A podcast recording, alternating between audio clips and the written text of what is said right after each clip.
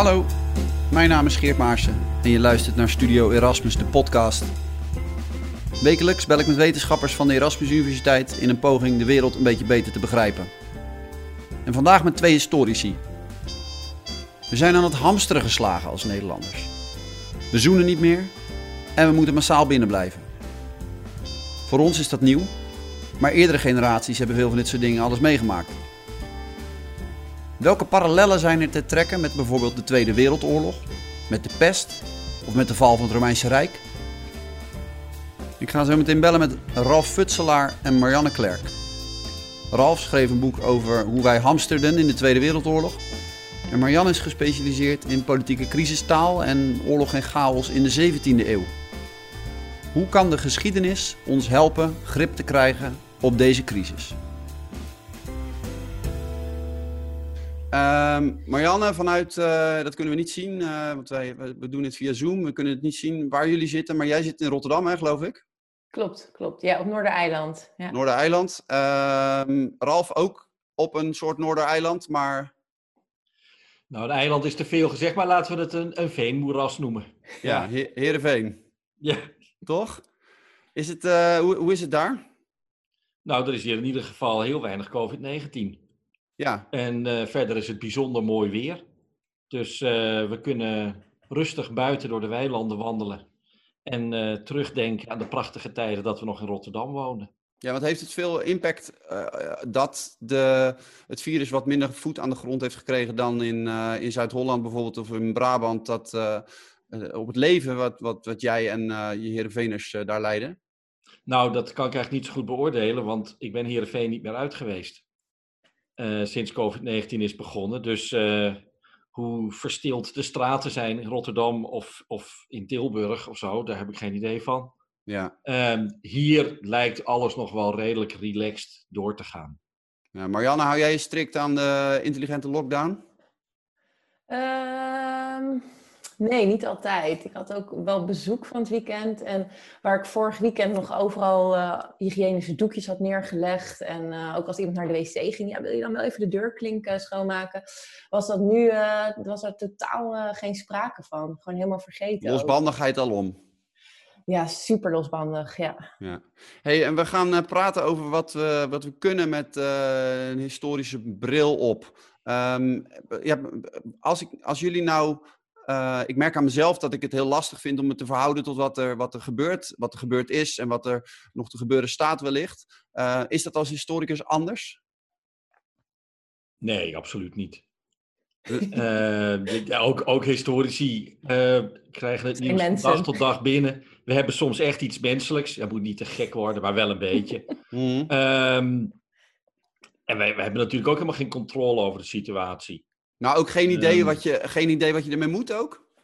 Nou, heel weinig. Vanuit, vanuit, vanuit, historische, vanuit historisch onderzoek zijn natuurlijk wel dingen die je herkent. Mm -hmm. Hè? Bijvoorbeeld hamsteren. Hey, kijk, wat leuk, daar heb ik wel eens een boek over gelezen. Ja. Of een boek over geschreven, over Ja. die vormen van gedrag. Ja. Maar dan is het toch nog wel vooral reactief. Um, het is niet zo dat ik een, een goed inzicht heb in hoe het de volgende week uitziet. Nee, want dat hamsteren, ook niet. dat hamsteren, dat, het is niet voor het eerst dat mensen met, met pakken wc-papier en, uh, en, en een kilo verpakkingen pasta onder hun arm uh, elkaar de supermarkt uitvechten, Ralf. Nou, van het wc-papier heb ik het niet eerder, uh, niet, ben ik het niet eerder tegengekomen. Dat vind ik wel een leuk, leuk nieuwtje. Mm -hmm. um, maar er zijn natuurlijk eerder periodes geweest, in de eerste instantie tijdens de Eerste Wereldoorlog, waarin er veel minder beschikbaar is aan met name voedsel. Uh, dat heeft vooral te maken met het instorten van de internationale landbouweconomie. In die periode door de Eerste Wereldoorlog. Toen lag er weinig in de winkels. En dan krijg je dat mensen een soort wedstrijd beginnen. Oh ja. Die er nog genoeg krijgt. En die wedstrijd zorgt op zichzelf dus ook weer voor tekorten. Nou, daar hebben ze wat van geleerd. In de Tweede Wereldoorlog gebeurt het weer. Dan zie je dat al in de jaren 30 goed een distributiesysteem wordt voorbereid met bonnen. Nou, die bonnen hebben heel veel mensen nog thuis liggen. Mm -hmm. um, dat dat in de Tweede Wereldoorlog heel veel artikelen op de bon gingen, heeft te maken met het feit dat het in de Eerste Wereldoorlog heel erg uh, uit Ja. de klauwen liep. Ja, ja, in de Eerste Wereldoorlog loopt het ontzettend uit de klauwen. Dat willen ze in de Tweede Wereldoorlog voorkomen. En terecht. Ehm, en daarom ontwikkelen ze in de jaren 30 dat distributiestelsel. Dat gebeurt in de meeste landen. Dat draaien ze ook een paar keer proef. In 1939 gooien ze geloof ik suiker op de bon en erten. Mhm. eh, om te kijken of het systeem een beetje werkt. Nou, dat doet het.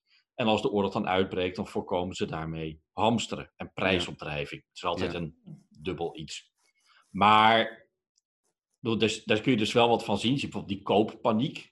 Die hebben we toen gehad, die zie je nu weer. Van ja, misschien wil jij helemaal niet hamsteren. Maar als, als Marianne al het wc-papier heeft gekocht in Rotterdam en je zit zonder, is dat toch vervelend. Ja. En wordt, daarin lijkt het wel op de Eerste en Tweede Wereldoorlog. Je wordt En waarom hamsteren we nou, waarom ha- hamsteren we nou het ene product wel en het andere product niet? Nou, ik heb de indruk dat mensen nu om een heel andere reden aan het hamsteren zijn. Eh, in de Eerste en Tweede Wereldoorlog hebben mensen een, een volkomen terecht de reële verwachting dat er veel minder beschikbaar zal zijn, dat er minder eten is. En daar bereid je je op voor. Dan zorg je Ja. dat je eten in huis hebt. Ik heb de indruk dat mensen nu helemaal niet zo bang zijn dat er geen eten meer zal zijn. Ik denk dat mensen bang zijn dat ze niet makkelijk meer eten kunnen kopen. Dat ze opgesloten zitten in hun huis en niet meer soepel naar de supermarkt kunnen, Oh ja. bijvoorbeeld, Oh ja. omdat ze een vervelende infectieziekte Want hebben. wat waren de producten die in de Eerste en Tweede Wereldoorlog met name, eh, die met name gehamsterd werden, af? Nou, dat, dat verschilt van moment tot moment. Eh, maar aan de ene kant basale voedingsproducten, dus aardappelen, hè, dat soort zaken die je goed kunt bewaren eh, en waar, waar je veel goedkope calorieën uit kunt halen. En luxe, tabak en koffie. Ja. Hè, dat eh 90% van de mannen rookte in het midden van de 20e eeuw. Ehm, misschien heb je zelf wel eens ervaren, als je gewend bent te roken, dat houdt plotseling op. Dat je, dat je zeer bereid bent om malle dingen te doen om toch aan die sigaretten te komen. Ja, Ja. ja. En Marianne, Eh, is, is dit nou, eh, hoe is het voor jou als historicus? Was jij, eh, wist jij gelijk, eh, was jij gelijk allerlei parallellen aan het trekken met, eh, met de 17e, 18e, 19e eeuw? Nou, ik was eerst een beetje in de war, eerlijk gezegd, eh, wat er gebeurde. Dus ik had er helemaal geen grip op. Dus eh, wat Ralf zegt, we zijn ook maar mensen. Ehm, en daarna wilde ik voor Vers Beton een artikel schrijven over eh, dan eigenlijk de, ja, de geschiedenis van de pandemie in Rotterdam. En dan was ik aan het voorbereiden en ik was dan zeer geïnteresseerd in de pest, omdat ja, als vroegmoderne historicus ga je toch liever naar die eeuwen terug. Eh, die heeft ook nog welig gewoed, ook in, tot in de 17e eeuw in Rotterdam. Maar toen was ik het aan het schrijven en toen voelde dat, dat ja, op een of andere manier voelde het niet goed. En toen heb ik dat naast me neergelegd. Dus ik heb niet of zo vanuit de geschiedenis eh, bepaalde meer inzichten of, of duiding eh, eh, ja, gekregen. Nee. Maar nee. want waarom legde je dat nou je, naast je neer? Want dit is een vergelijking die veel gemaakt wordt. Hè? Eh, wekelijks wordt, wordt het boek van, van Camus besproken. Worden die, die, die pestepidemie die wordt erbij gehaald. Waarom dacht jij op een gegeven moment, ik stop hier toch weer mee?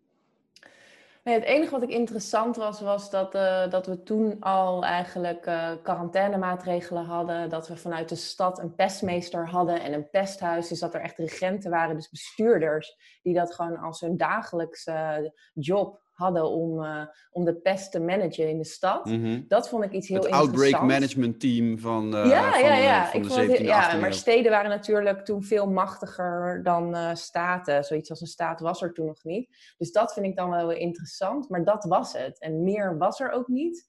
En ik werd ook een beetje moe van al die historische vergelijkingen. En ja, er is ook iets te zeggen voor wat, wat is de vergelijking met pest of met cholera. Of, eh, omdat dat ziektes zijn die toch wel uiteindelijk ook zijn opgelost door meer hygiëne in de stad. En ja, dan natuurlijk, dan had ik over de Spaanse griep moeten schrijven. Maar dan was er al zoveel over geschreven. Ik dacht, ja, wat valt hier uit te halen? En eigenlijk gedurende de afgelopen weken kwam ik, vind ik veel meer eigenlijk het metaniveau interessanter. Dus hoe, hoe mensen om mij heen heel graag teruggrijpen op bijvoorbeeld die altijd die verdoemde Tweede Wereldoorlog en die hongerwinter van Rotterdam. En Mhm. dat is nu waar ik als historicus geïnteresseerd in ben. Uh, maar nee, de geschiedenis brengt me niet meer duiding. Soms een beetje wat soelaas, relativering van, van, zoals Maarten van Rossum zegt, het is een rimpel in de wereldgeschiedenis. Maar dat is meer voor mij als burger, brengt het me soelaas, dan uh, dat het mij als historicus groot inzicht biedt. Ja, maar dat metaniveau, dat interesseert je omdat je het fascinerend vindt, eigenlijk hoe wij geneigd zijn, hè, wat we nu eigenlijk ook aan het doen zijn, de hele tijd iets proberen te begrijpen door vergelijkingen te maken met iets soortgelijks wat zich dan eerder voorgedaan zou kunnen hebben. Ja, precies. En om daar een narratiefje te spannen van, nou, als we het toen hebben overleefd, sterker door strijd, hè, voor Rotterdammers bijvoorbeeld, dan gaan we het nu ook wel overleven. En het helpt mensen ook. Als je bijvoorbeeld in Rotterdam in de stad kijkt, dan zie je overal die leus, sterker door strijd. Mhm. Iets wat trouwens heel grappig is, want dat is pas na de, in 1949 volgens mij door Wilhelmina Rotterdam geplakt. Maar mensen hebben het idee dat dat in ons DNA zit, zoals mensen dat graag benoemen. Dat het al eeuwen iets typisch Rotterdams is, dat wij uit alle grote crisissen, dat wij eruit komen als, als ware helden. Mhm. En eh, ja, dat, dat vind ik wel heel erg interessant, ja. ja. Ja. Ralf, wat, vind jij daarvan? Dat we die, überhaupt die tendens om een vergelijking te willen maken en, en een historicus van stal te trekken om daarbij eh, te helpen? Nou, daar zit een aantal kanten aan. Eh, in de eerste plaats dat, dat, dat heldhaftige waar Jan het over heeft. Dat zie ik wel een beetje met ledenogen aan. Ehm, juist en door al die vergelijkingen met, met, met oorlog. Mhm. Natuurlijk, op, tot op zekere hoogte is een oorlog veroorzaakt heel veel ontwrichting. En ontwrichting hebben we nu ook. Dus dat vind ik wel een zinnige vergelijking. Of dat deel is wel zinnig. Maar je ziet ook dat door voortdurend die oorlogsvergelijkingen te maken, dat een soort eh, antropomorfisering van die ziekte ontstaat. Die ziekte wordt een soort vijand, Mhm. zoals Nazi-Duitsland of de Sovjet-Unie. Ja. En ik denk dat dat eigenlijk niet zo heel positief is. Ik denk dat je de. Het is mooi als je mensen kunt oproepen tot solidariteit. Maar we hebben hier natuurlijk niet te maken met een vijand die ons probeert te intimideren. Of die we lekker terug kunnen pakken, maar, Mhm. maar met een virus. Ehm, du- dus dat ten eerste, dat vind ik een beetje, beetje zorgelijk. Ten tweede denk ik dat die directe vergelijkingen van we hebben eerder zo'n soort ziekte gehad en dat zal dan nu wel zo weer gaan. Dat, dat lijken me hele, niet, ja, eigenlijk boterzachte historische parabels. Ehm, het is een andere ziekte, het is een andere tijd. En het is niet zo dat je de ene epidemie zomaar kunt gaan vergelijken met de andere en daar iets concreets of iets echt nuttigs van kunt leren. Maar het is toch ook niet zo heel raar dat we bij iets wat zich aandient, wat zo groot en, en, en ongekend is voor de meeste van ons, dat je gaat zoeken naar, naar gewoon, hebben we dit al eens eerder? Hebben we dit al eens eerder meegemaakt? En wat, eh, wat kunnen we ermee? Ja, maar ik denk dat het verschil is dat het, het, het is totaal eh, natuurlijk legitiem eh, voor mensen om die vergelijking te maken. En het eikpunt in Nederland eh, is nou eenmaal de Tweede Wereldoorlog. Mhm. Maar het is meer voor historici om die vergelijking te maken. Dat, dat, ik vraag me echt wel af of dat zinnig is. En eigenlijk best wel veel historici, eh, alhoewel er ook genoeg historici zijn die die vergelijkingen wel graag maken in de media, die, die, die hebben daar wel vraagtekens bij. Zelfs Beatrice de Graaf, die eh, eigenlijk toch graag bij alles eh, aanschuift. Ehm, ja, die zegt ook eh, dat, het, dat je het niet kan vergelijken bijvoorbeeld met de pest. Want daarin is toch wel, nou ja, de cijfers eh, zijn natuurlijk nooit scherp te stellen, maar toch wel een derde van, eh, van, eh, van de mensen eh, weggevaagd. Om dat nou weer te vergelijken met eh, corona, ja, dat is natuurlijk eh, overtrokken. En ja, Het is natuurlijk ook een beetje hoe je de, hoe je de, de rol van historici ziet in die, in die discussies over historische vergelijkingen. Ja. Eh, kijk, mijn vak is oorlog en geweld. Dat zijn dingen die in het publieke debat heel erg naar voren komen, in heel veel landen en op heel veel manieren. En de rol van een academisch historicus is daar toch vaak om op de rem te trappen. En te zeggen dat mensen eh, de verkeerde vergelijkingen maken, de verkeerde lessen leren. Ehm, hè, denk bijvoorbeeld aan eh Slobodan Milosevic, die uit een 14e eeuwse veldslag opeens aan reden haalt om een eh, genocidale oorlog op de Balkan te ontketenen in de jaren 90. Ehm, of in China, waar je dit soort dingen ook heel nadrukkelijk ziet, en voortdurend teruggrijpen op het gewelddadige verleden om iets mee te bereiken. En in een goed functionerende democratische samenleving, met een goed functionerend historisch ambacht, staan er altijd historici klaar om dat soort politici te kleineren en belachelijk te maken en tegenspraak te bieden. Mhm. En ik denk dat die negatieve rol eh, voor veel historici vrij natuurlijk komt, in ieder geval voor mij. Mhm. En ik denk dat, die, dat dat het belangrijkste is wat historici aan de samenleving kunnen bijdragen. Het tegenhouden van dat verkeerde gebruik van geschiedenis. Ja, precies. De historicus was een soort, uh, maar dit, dit, is, dit is Maarten van Rossum uh, in uh, gewoon de, de vlees geworden historicus dan. Hè? Gewoon een beetje zeiken en zeggen dat mensen het niet goed begrijpen eigenlijk. Ja, ik denk dat dat een hele belangrijke rol is. En ik denk dat het ook heel goed is dat we een publieke historicus hebben die zich, die zich juist op dat negatieve uh, heel sterk profileert. Ja, tegelijkertijd zeg jij uh, dat het in de Tweede Wereldoorlog iets beter ging met betrekking tot uh, voedselverspreiding, distributie, had te maken met de lessen die getrokken waren uit die Eerste Wereldoorlog. Ja, en ik denk dat je hier het verschil moet maken in schaal. Ehm, je kunt een probleem eerder zijn tegengekomen en proberen dat probleem in een volgende situatie beter aan te pakken. Mm -hmm. Uh, maar dat is heel erg piecemeal, zoals Popper het zou zeggen. Het gaat om, gaat om relatief kleine en overzichtelijke dingen waar je wel eens een probleem hebt gehad. En dat kun je de volgende keer beter doen. Um, dat leren van de Eerste Wereldoorlog, dat heeft totaal niet gewerkt. Om maar eens een, een ander voorbeeld te noemen. Bij het voeren van daadwerkelijke oorlog. He, veel van de strijdende partijen, de Tweede Wereldoorlog, hebben nog een Eerste Wereldoorlog in hun hoofd. En proberen het nieuwe conflict op de oude manier uit te vechten. En dan wordt de schaal te groot. Dat Kun je daar een voorbeeld van geven?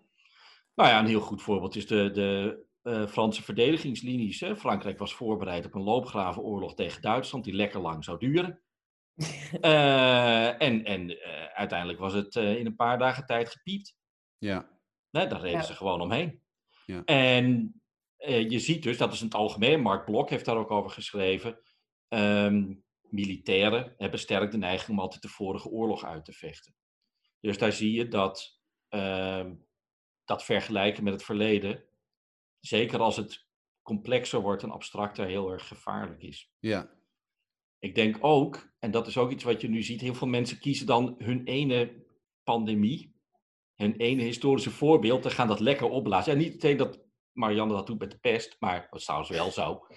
Um, maar ik denk dat dat ook niet verstandig is. Ik denk dat je veel meer kunt opsteken door te kijken naar reacties op infectieziekten in het algemeen. En die dingen als geheel te nemen.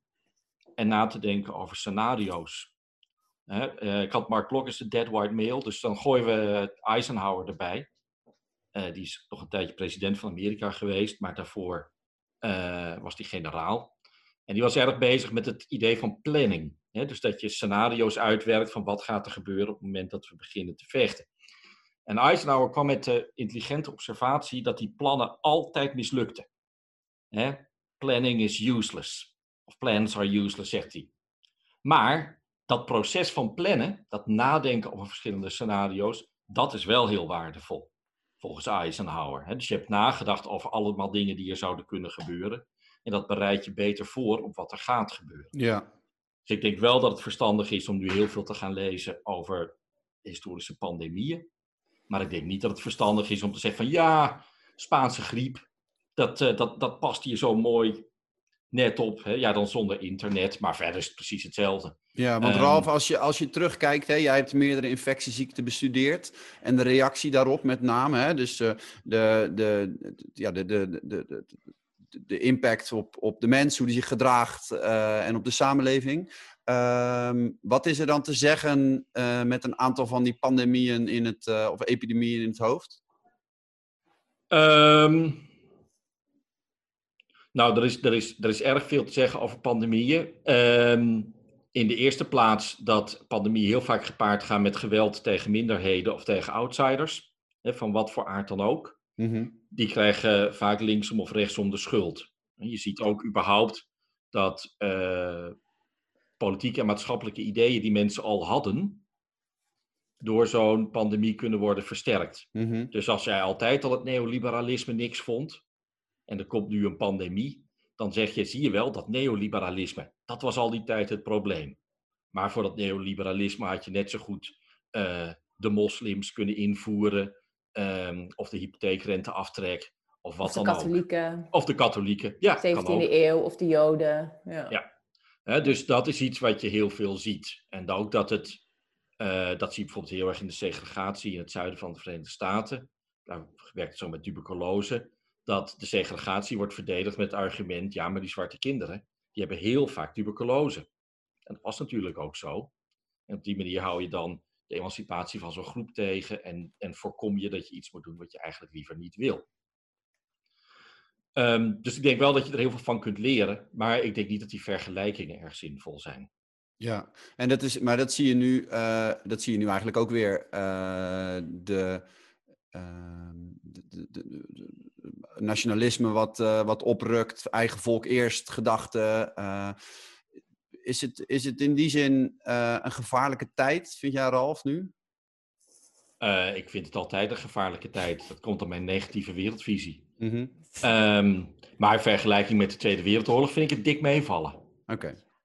Ehm, patriotisme was al uh, langer natuurlijk aan de gang. En het nationalisme en de chauvinistische tintjes. Sommigen zeggen al na 2000, na de crisis. Ja. 2008. Nou ja, omdat je veel hoort dat, dit, uh, dat, dat zo'n zo'n crisis als deze een soort stroomversnelling zou kunnen veroorzaken met betrekking tot nationalisme. Met, met, met, iedereen iedereen roept van dit gaat iets groots betekenen voor uh, project X. Ehm, ja, maar dat is wat crisis doet. Dat is wat crisis altijd heeft gedaan. Dat, heeft, dat zei Ralf net ook. Crisis is ook dat mensen opeens... Je kan mensen heel makkelijk mobiliseren in een crisis. Mhm. Dus je kan ze heel makkelijk voor je karretje spannen. Voor jouw ideologisch karretje spannen bijvoorbeeld. Dus crisis is ook... Uh, daar kunnen veel politici ook uh, wel uh, hun, hun, slaatje uitslaan. Mm wat, ja, wat je door de geschiedenis heen eigenlijk kan aanwijzen. Of dat nou eh, de, de, sorry Ralf, daar gaan we weer. De pest is in 1666 in Londen en daarna brandt nog Londen even af. Ja, dan kan je aardig weer wat wetten gaan doorvoeren. En natuurlijk crisis. Het belangrijkste is uh, wet.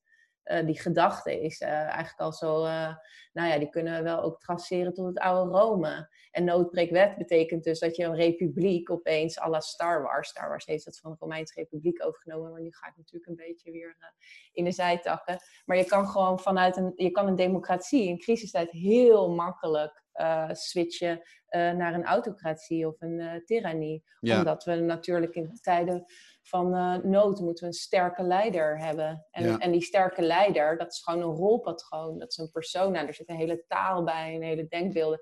Die zie je nu wel oppoppen. Je hebt, hier veel, uh, je hebt hier veel onderzoek naar gedaan, ook in de, uh, de vroegmoderne tijd. En dan, ja. wat zie je dan gebeuren? Dat, ook politici, net als nu, die gelijk op de banken springen en, en, en, en, en dat, dat moment benutten eigenlijk.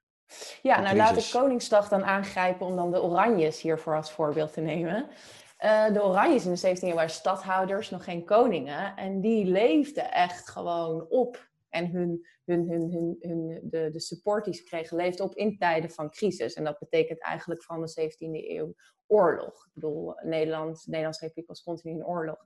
En je hebt één klein periode dat de Republiek geen stadhouders had. Het was volkomen republikeins.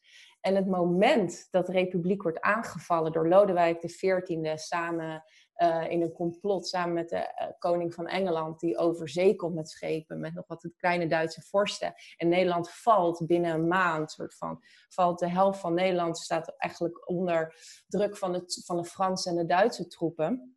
Uh, dan zie je opeens dat er overal uh, rellen uitbreken. De regenten worden gelyncht. En publicisten die gaan keihard voor Oranje uh, schrijven. En Oranje, die heeft ook op de payroll een paar propagandisten staan. Die gaan schrijven van, en nu hebben we een sterke leider nodig. En dat is iets wat Oranje vaker in deze tijden van crisis... Nu hebben we 1672, maar er zijn vaker dit soort jaren geweest... waarin ze precies dat narratief... Uh, ja, hoe heet dat? Ja, publiceren. Het, het, het Nederlandse Koningshuis is groot geworden dankzij oorlog en dood en verderf.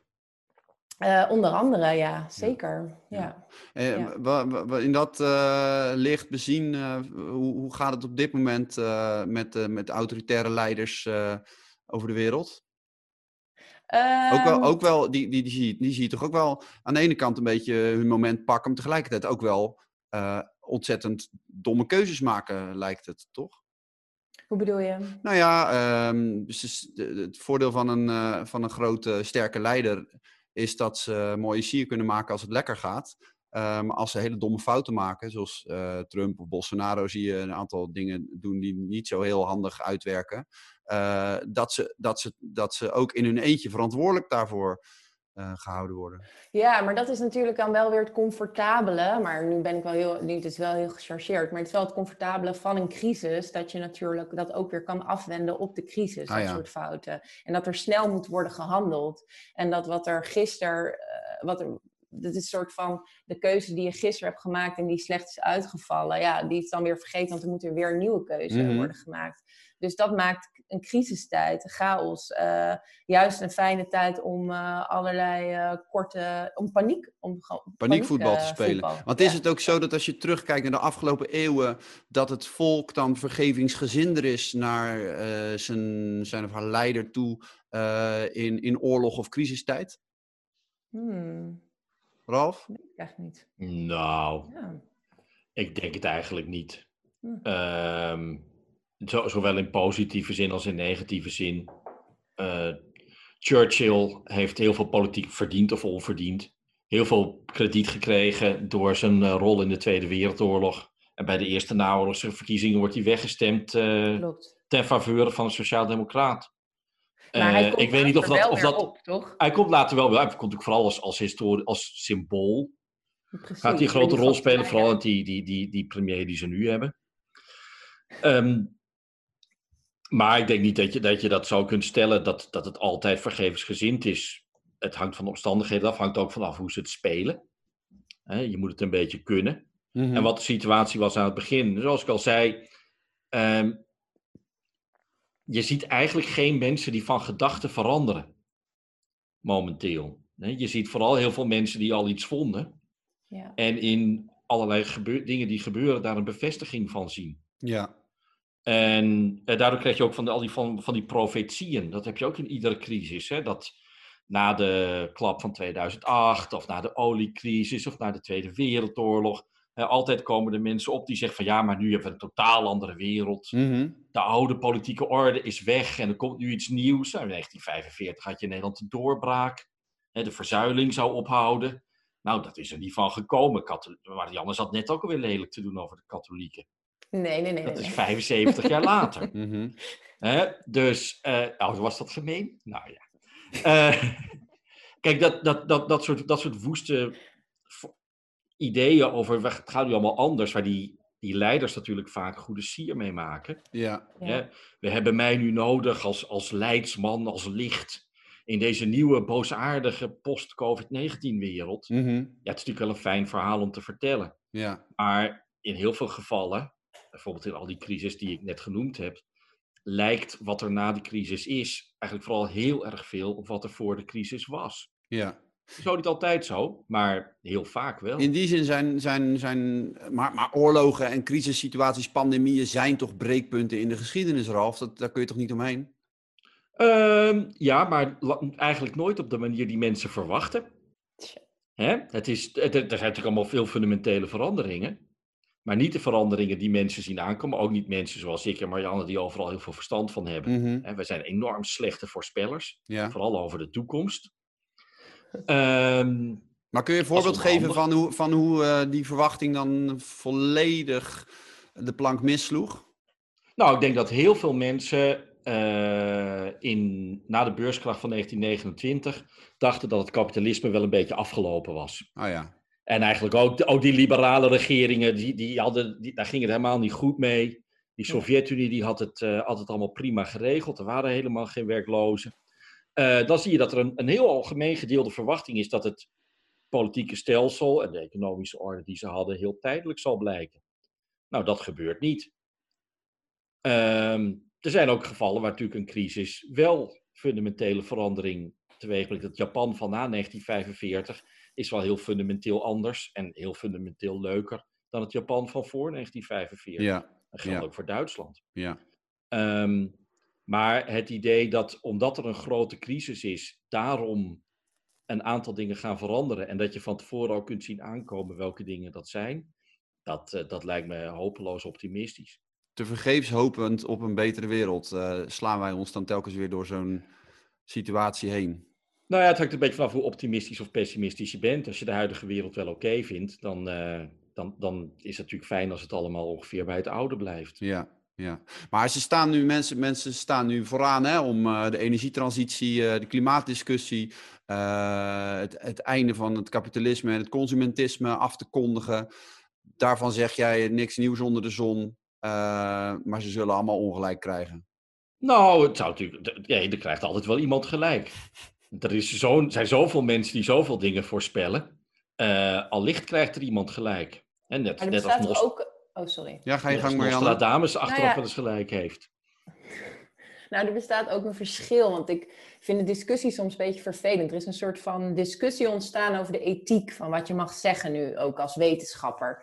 Uh, uh, je bedoelt, terwijl er mensen ziek worden en overlijden, uh, wat wel en niet op tafel mag Ja, wat wel niet gepast is. Mhm. en, um, en ook dat, dan, dat je dan nu je publicatielijst wil aanvullen en je succes wil behalen. Dus eigenlijk over de rug van, van het lijden. Mm um, maar ja, ander, eh, en dan over, voor historici gaat het dan vooral, ja, wat, wij moeten distantie houden, wij, wij kunnen nog, we, weten nog helemaal niet hoe dit gaat uitpakken. Wij moeten nu gewoon eigenlijk meer uh, uh, ja, registreren en archiveren. En dan later moeten wij kijken hoe of wat. Elke situatie is uniek, dat is het eerste wat je leert. Mhm. Maar anderzijds vind ik het ook wel heel, in, gaat het niet ineens altijd over toekomst voorspellen, maar het gaat ook over bepaalde perspectieven, wat, wat Ralf net zei, scenario's uitwerken. Ik bedoel, als je bij het ministerie werkt, een ambtenaar is alleen maar bezig met scenario's uitwerken. Een goede vriendin van mij, historicus, uh, gepromoveerd en wel, die werkt nu ook bij het ministerie van Sociale Zaken.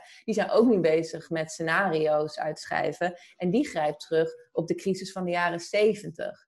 En dat vanuit economisch denken is dat, omdat je toen ook een uh, soort gelijkezelfde structuren hebt als nu, uh, meer dan 2008. Mhm. Dus um, ergens is, heeft geschiedenis ook als nut. Uh, en inderdaad, om die scenario's uit te werken. We zijn niet alleen maar bezig met toekomst voorspellen. Tenminste, niet als je natuurlijk een bepaald ideologische kleur uh, de toekomst wil geven. Ja, vind je, vind je dat Ralf, dat die scenario's wel degelijk kunnen helpen met een historische ja. bril op? Nou, vooropgesteld, ik zou niet weten waarom historici ooit hun mond zouden moeten houden. Uh, we zijn een heel, heel onderhoudende beroepsgroep. Hmm. Um, dat ten eerste. Bovendien zijn er heel veel niet-historici die de hele tijd historische parallellen trekken. En zoals ja, ik al zei, hebben ook een belangrijke functie om, om ons daar tegenaan te bemoeien. Uh, mensen daarin ook, ook te ontmoedigen, of in ieder geval tot kalmte te manen. Mm -hmm. um, maar los daarvan, ja, ik denk dat het heel goed is om nog eens na te denken over hoe maakt, ik noemde dat al, zo'n ziekte dat, dat we in het verleden naar buitenstaanders zijn gaan kijken? lopen we het risico uh, dat we doordat er een catastrofe is, opeens een, een hetze of een heksenjacht beginnen te organiseren tegen een bepaalde groep mensen? Je ziet dat in Tokio in 1924 dat er een grote aardbeving is. En dat dat leidt tot een soort, soort, soort pogroms tegenover de Koreaanse minderheid. Ja dat natuurlijk iedereen die een beetje nadenkt kan verzinnen dat die Koreanen niet door gecoördineerd op en neer te springen die aardbeving hebben veroorzaakt. um, maar dat scapegoating, dat gaat heel makkelijk. Nou, ik denk dat historici wel degelijk een functie hebben om, zoals ik net deed, uh, die historische voorbeelden aan te dragen om mensen daarvan bewust te maken. Ja.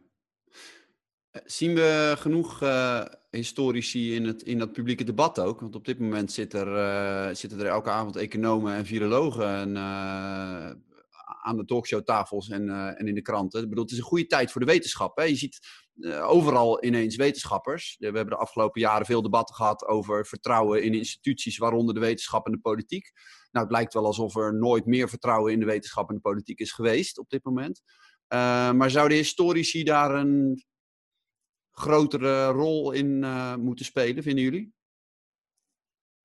Nou, eerlijk gezegd, uh, kijk ik nooit televisie. Dus of we aanwezig genoeg zijn in talkshows, dat zou ik eigenlijk niet kunnen zeggen. Um, maar wij zijn nu aan het woord. Ja, ik vind maar, eigenlijk dat het. Maar moet er bijvoorbeeld wel... een historicus in, in, het, in dat outbreak management team zitten? Hè? Er, er, wordt veel over gesproken dat het nu te veel medisch uh, georiënteerd is. Uh, dat daar ook uh, andersoortige beroepsgroepen en, en ook creatieven in zouden moeten zitten. Marjan, wat vind jij?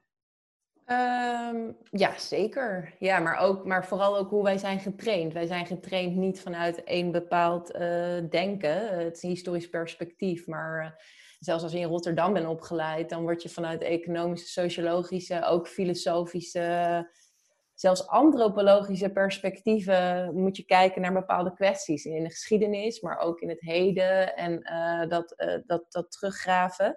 Uh, dus ja, ik denk het wel. Dat voorbeeld wat ik net noemde van die vriendin van mij, die dan wel uh, economische geschiedenis heeft gedaan. En die zegt, ja, het wordt vooral gezien als, als ik een economische analyse maak. Maar ergens maak ik natuurlijk een historische analyse, ja. want het heeft ook te maken met het sociale. Uh, en het heeft ook te maken met een bepaald intellectueel raamwerk. Dus ja, en in het algemeen vind ik dat historici wel iets meer uh, die rol mogen claimen of misschien wat mogen krijgen. Mm -hmm. Het lijkt wel alsof geschiedenis, ja, alsof wij gewoon een soort van alsof het er meer een hobbytje is. En of de harde wetenschappen bij de sociologen en psychologen uh, zit en de filosofen. Dat is misschien ook een teken van de tijd. Dat we heel erg bezig zijn met wie ben ik? In plaats van een, een, een, wat, wat, wat groter geheel. Ik weet het niet. Ja, en, en nu, nu moeten we het stellen met Maarten van Rossum en Beatrice de Graaf. Hè, in, in het publiek, Ook niet verkeerd. in het publiek zijn debat. hele aardige mensen. Maar zouden, ja. er, zouden er wat meer uh, publiekshistorici uh, bij moeten komen? Nou ja, in ieder geval meer, uh, er zouden wat meer historici ook wel uh, het laddertje af, of in ieder geval de brug over mogen om hun onderzoeken wat, ja, toch wel te verspreiden, mm -hmm. vind ik. Je, bijvoorbeeld in Engeland merk je, maar daar is het historisch besef anders en trouwens heel chauvinistisch hoor. Uh, maar dan merk je dat dat veel meer is. Ook qua de programma's die je ziet op televisie, radioprogramma's. En, uh, um, maar ik denk in Nederland, er is altijd wel een behoefte. Ieder mens heeft wel een behoefte om, naar, om zijn of haar wortels uh, te onderzoeken. Ja. Dus ik denk dat die behoefte wel bestaat. Maar op een of andere manier zijn we het kwijtgeraakt. Het lijkt wel alsof dat... Ja, Ralf, we hebben het er ook laatst over gehad, toch? Dat historici niet durven of zo. Dat we altijd maar maar afstand houden. Teruggetrokken in onze kamertjes. Ja, ik denk dat ook, zeker, je doet het voorbeeld van Engeland. Um, ik denk dat wij verhoudingsgewijs veel gespletener zijn in uh, aan de ene kant populair wetenschappelijke dingen. Hè, mijn eigen ja. insti instituut doet allemaal dingen voor de samenleving, zijn heel aanwezig. En mensen kunnen uit honderd oorlogsfoto's hun favoriete oorlogsfoto kiezen en daar een persoonlijk verhaal bij vertellen. En dat gaat heel erg nou ja, inderdaad op, op mensen die hun eigen wortels zoeken, ja. hun eigen woonplaats. Um, dat is eigenlijk allemaal heel klein. En aan de andere kant een, een heel academische geschiedschrijving die nauwelijks relatie houdt met de samenleving ja. als geheel. Ik denk dat het verschil is met Groot-Brittannië dat je daar uh, historici, die zich vaak ook redelijk goed voor een camera of voor een radiomicrofoon kunnen uiten, uh, behoorlijk ingewikkelde en academische dingen ziet vertellen, daar ja. krijgen ze ook de kans toe. Ja. Uh, zonder dat het meteen ook gekoppeld hoeft te worden aan, aan het fotootje van toen het oorlog was of oliecrisis en hoe ik daar stond in mijn jurkje. En, en zeg maar dat hele uh, heel erg toegankelijke niveau. Ja. ja, het is een beetje een kleinburgerlijke geschiedschrijving hier in, in Nederland. Terwijl waar je in andere landen dat, het, het, het grote verhaal van de natie uh, ja, dus wij hebben hele lage verwachtingen. Wij hebben hele lage verwachtingen van de, het historisch incasseringsvermogen van de bevolking. Wij denken dat als we er niet een persoonlijk verhaaltje van maken met mm -hmm. een fotootje en een naampje, ja, dan, dan hou je de mensen niet bij de les. Dan is het te moeilijk. Maar heeft dat niet ook um, te maken met wat Marianne net aanstipte, dat chauvinisme, dat nationalisme wat erin zit en waar die Nederlanders uh, toch altijd een beetje moeizaam tegenover staan. En het is natuurlijk makkelijker een, een, historisch verhaal vertellen als je dat grote verhaal van de natie er constant als, uh, uh, als narratief doorheen kunt vlechten. Waar wij als Nederlanders gewoon ja, toch veel minder mee hebben. Nou, we hebben natuurlijk ook nooit echt een, een gedeeld narratief gehad, want we mm -hmm. hebben geen echt staatsonderwijs gehad en ook geen echt staatsgeschiedenisonderwijs. Uh, dat is verzuild. En dat maakt nogal wat uit. Dus dat hebben wij inderdaad veel minder ontwikkeld het grote nationale verhaal. Behalve dan misschien het grote nationale verhaal. Wat zijn we toch fantastisch dat we geen groot nationaal verhaal hebben. Mm -hmm. Precies. Wij su superleuke, tolerante, diverse Nederlanders. Ja. Um, dat is ook een historische mythe. Ja. Dat is een heel groot verhaal natuurlijk. Ik bedoel, zo wordt de 17e eeuw continu gelezen vanuit tolerantie en, uh, en, en oorlog alleen maar vanuit handelsperspectieven. En wij hadden geen empire, dat hadden de Engelsen. Totale larikoek natuurlijk. Maar ja, dat is wel iets waar we ons graag nog steeds mee bezighouden. Dus het is pas recentelijk dat wij duiken in onze zogenaamde vaderlandse geschiedenis. En opeens komen daar natuurlijk allemaal lijken uit de kast, die we al lang wisten dat die er zaten. En uh, ja, dat, dat, dat, ja, dat, dat in het publieke debat zorgt dat voor zoveel onrust. Ja, we lopen echt nog achter vergeleken met andere landen. Zelfs met Frankrijk, die al langer in de Algerije-oorlog zit. Met alle vervelende verhalen die daaruit voortkomen. Dus we hebben wel zo'n chauvinistisch, we hebben wel zo'n groot nationaal narratief. Alleen dat is een beetje verholen, een beetje uh, wat hippiekleding aangedaan van alles kan, alles moet. En, en ondertussen proberen we de zwarte bladzijde uh, van in onze geschiedenis angstvallig uh, verborgen te houden.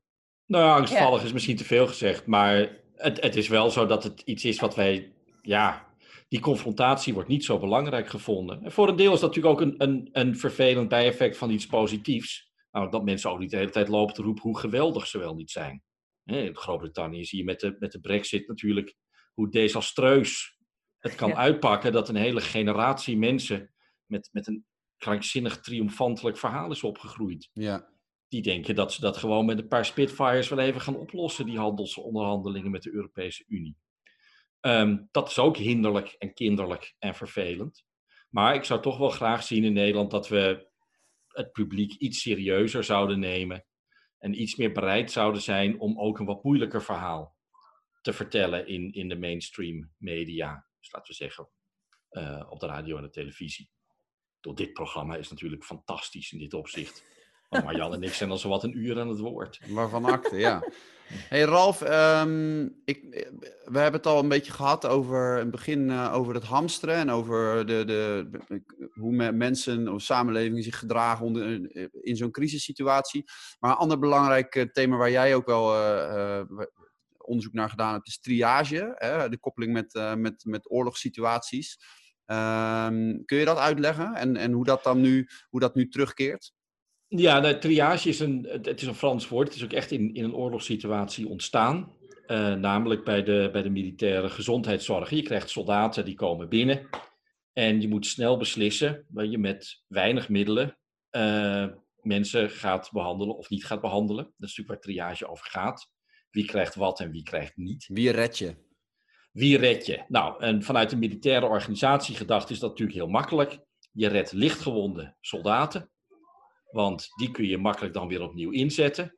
En je redt officieren, want daar heb je er niet zoveel van. En dan moet iemand leiding geven. En zwaargewonde soldaten, die laat je liggen. Ja. Nou, dat creëert een probleem voor medisch artsen, want die zijn meestal ook arts. Die hebben uh, daar ook een eet voor afgelegd. En die eet, die stelt dat je moet proberen mensen te redden. Hè? En dat je niet iemand kunt laten doodbloeden die je dat kunnen helpen, uh, had kunnen helpen, omdat je dan uh, tien pleisters kunt plakken en tien soldaten weer terug de loopgraaf in kunt sturen.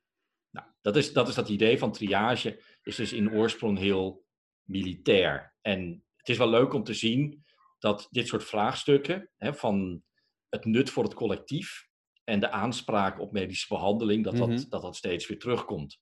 En wij vinden dat nu ongepast. Um, dat is vrij recent. Hè? Dus voor de jaren zestig was eigenlijk iedereen Jort Kelder.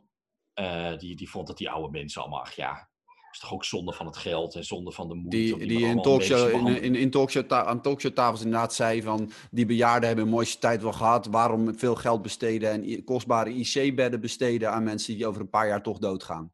Ja, ja. Uh, en die het misschien ook helemaal niet zo erg verdienen. Nou, dat is net als de kleertjes van Jort Kelder past dat heel erg bij het midden van de 20e eeuw uh, en iets daarvoor. Hè. Je hebt de opkomst van de moderne geneeskunde daarmee komt, hoe je het ook went of keert, eigenlijk altijd een triageachtige vraag. Want je kunt heel veel, uh, maar je kunt niet alles wat je technisch kunt ook daadwerkelijk uitvoeren. Uh, daar zit een beperking op, bijvoorbeeld uh, door persoonlijke vrijheid. Hè, ik kan niet, kunnen niet een, een, een, verpleegkundige bij mij aan tafel zetten die telkens controleert of ik wel precies de juiste dingen eet volgens het voedingscentrum en mijn kindertjes ook. Dus dat die we is... trouwens op de achtergrond langzaam in opstand horen komen, geloof ik. eh, Ralf. is, er wel, Eh, is, er wel, is er wel wat begeleiding bij, eh, Ralf? Of eh, heb je ze aan hun lot overgelaten? Nou, dat hangt er vanaf of, of, of hun moeder nog, eh, nog overeind staat. Ze, ze oogde vanochtend heel gezond. Oké. Ehm, maar ik, eh, misschien dat ik zo meteen triage moet toepassen. Ja, Om te zien of ik er nog kan redden. ja. Maar, Maar, maar dat gaat toch goed. Ja. maar, dat, maar dat, dat, eh, dat, dat begrip van triage, dat, dat, dat is ook aan verandering onderhevig. En de manier waarop daar eh, over gepraat wordt ook, zeg jij. Ja, eh, we zijn natuurlijk sowieso. hè, om te beginnen heb je in het midden van de 20e eeuw een heel biologisch maatschappijbeeld. Hè, dus wij zijn het volk en we hebben ook een volkskracht. hè, de jeugd is de drager van die volkskracht, die moeten verder. Je ziet bijvoorbeeld, eh, als je kijkt naar het onderzoek van Ingrid de Zwarte over de hongerwinter, heel nadrukkelijk dat allemaal hulp, allemaal medische zorg en voedselhulp, heel nadrukkelijk wordt gericht op kinderen. Als die het maar redden, hè, dat zijn de belangrijkste mensen. Nou, dat gaat vrij lang door. Hè. Ook na de oorlog duurt het nog vrij lang voordat we ouderen zien staan. Ouderenzorg, gespecialiseerde ouderenzorg, is ook iets heel recents. Die mensen hebben gewoon geen prioriteit. Nou, langzamerhand hebben die ouderen zich een beetje geëmancipeerd. Eh sommige opzichten ook wel heel erg geëmancipeerd. Oh. En die worden, nu, eh, die worden nu wel belangrijk gevonden. En dat merk je dus ook aan de reactie van wat iemand als Jort, op wat iemand als Jort, ja, hij zei trouwens ook heel dom. En het is ook niet zo dat die mensen allemaal drie weken later toch wel dood zouden zijn. Mhm. La, laat dat gezegd zijn. Het is dus niet zo dat COVID-19-patiënten mensen zijn die al op sterven lagen. Eh, maar de reactie daarop en ook de, hè, de, de- manier waarop eh, bijvoorbeeld Henk Krol zich uitlaat over, over het COVID-19-beleid. eh, daar zie je wel dat er een verandering heeft plaatsgevonden in de manier waarop we willen denken over keuzes die we moeten maken. Ja, En veel mensen willen natuurlijk liever helemaal geen keuzes hoeven maken. ja, Dat zit er vreselijk niet in. ja. Eh, Marianne, je zei net van eh, de vraag in- interesseert me wel van wat, wat je wel en niet mag zeggen. Eh, dit is een discussie die moet gewoon gevoerd worden, toch? Met beperkte middelen ontkomen we er niet aan. Welke discussie bedoel je? Nou ja, over je, wie, wa- wa- wat je doet met je, met je geld, wat je doet met je medische middelen, wat je doet met de gezondheidszorg. Ehm, Ja, nee, ja, zeker. Ja, een discussie die ik als historicus niet hoef te voeren, gelukkig. Maar eh, nee, ja, die discussie moet gevoerd worden, ja. Ja, Ehm, ik zit even te, te bedenken. We hebben het nu gehad over, eh, eh, over hoe wij als mensen omgaan met, met dit soort dingen. Wat historici daarin kunnen doen.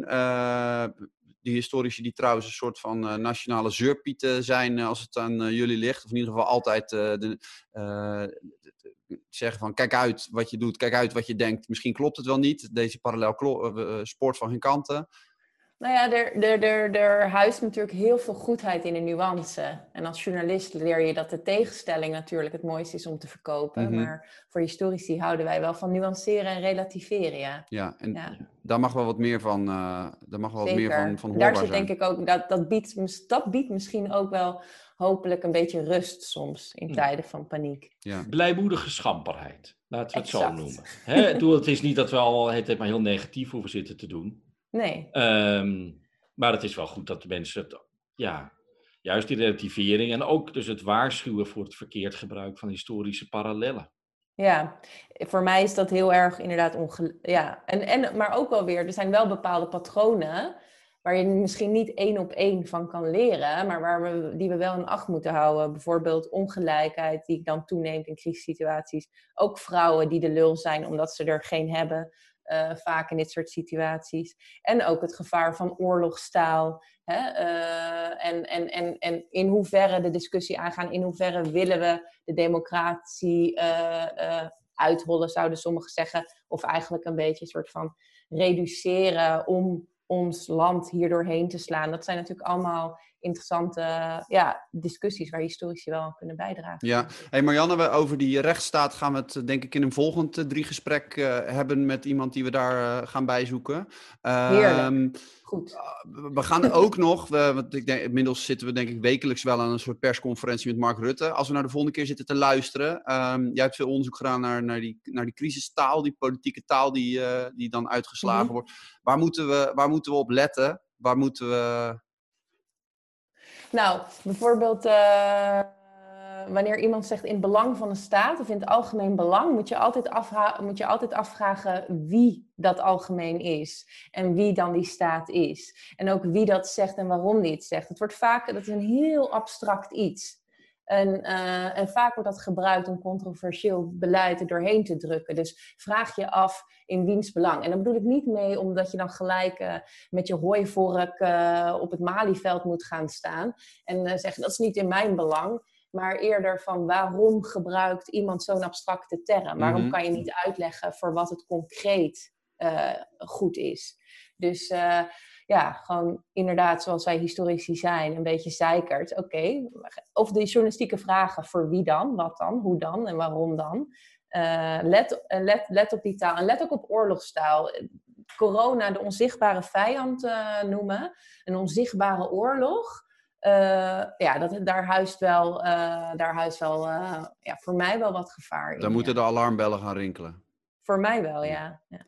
Ralf, behalve uh, dat jij zo meteen gaat kijken of vrouwen en kinderen nog overeind staan, wat, wat ga je doen vandaag? Um, ik ga vanmiddag eventjes met een collega wat werk doen voor mijn huidige onderzoek naar uh, psychiatrische patiënten tijdens de Tweede Wereldoorlog. Uh, er zijn allerlei vragen over of die mensen slecht zijn behandeld of goed, of ze genoeg te eten hebben gehad. En het NIOD is gevraagd om daar onderzoek naar te doen. Ja. En daar zijn wij nu dus mee bezig. Ja, en dat is een fysieke meeting of uh, wederom via Zoom, Skype of uh, Hangout? Nou, zij woont toevallig ook in, uh, in Friesland, dus we kunnen op haar erf op ruime afstand van elkaar uh, overleggen. Oké. Okay. En daar is het ook wel weer voor hier. Marianne, wat ga jij doen? Wat staat er op de planning? Uh, studenten mailen en, uh, en werken ook, ja. ja. Werken aan? In Koningsdag. Uh, vandaag. Ja. Uh, waar ga ik aan werken? Goeie vraag. Er zijn twee verschillende dingen waar ik aan moet werken. Ik denk eigenlijk aan mijn onderzoek. Ga ik even verder oppakken. Ja, Veel plezier, denk ik. Of... ja zeker. Ja.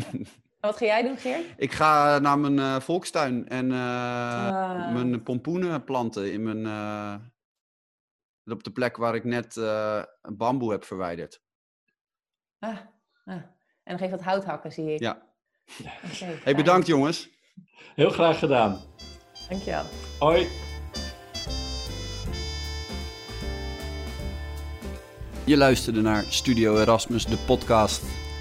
Een programma van de Erasmus Universiteit waarvoor ik elke week van achter mijn keukentafel bel met een beeldbepalende wetenschapper. De interviews zijn te beluisteren als podcast, bijvoorbeeld via Spotify, en te bekijken als video via studioerasmus.nl, waar overigens ook alle ruim 300 eerdere interviews te vinden zijn. Studio Erasmus komt tot stand onder redactie van Willem Scholten, Lenja Slierendrecht, Sonja Nollens-Smit, Marianne Klerk, Marjolein Kooistra en Meral van Leeuwen. Mijn naam is Geert Maarsen.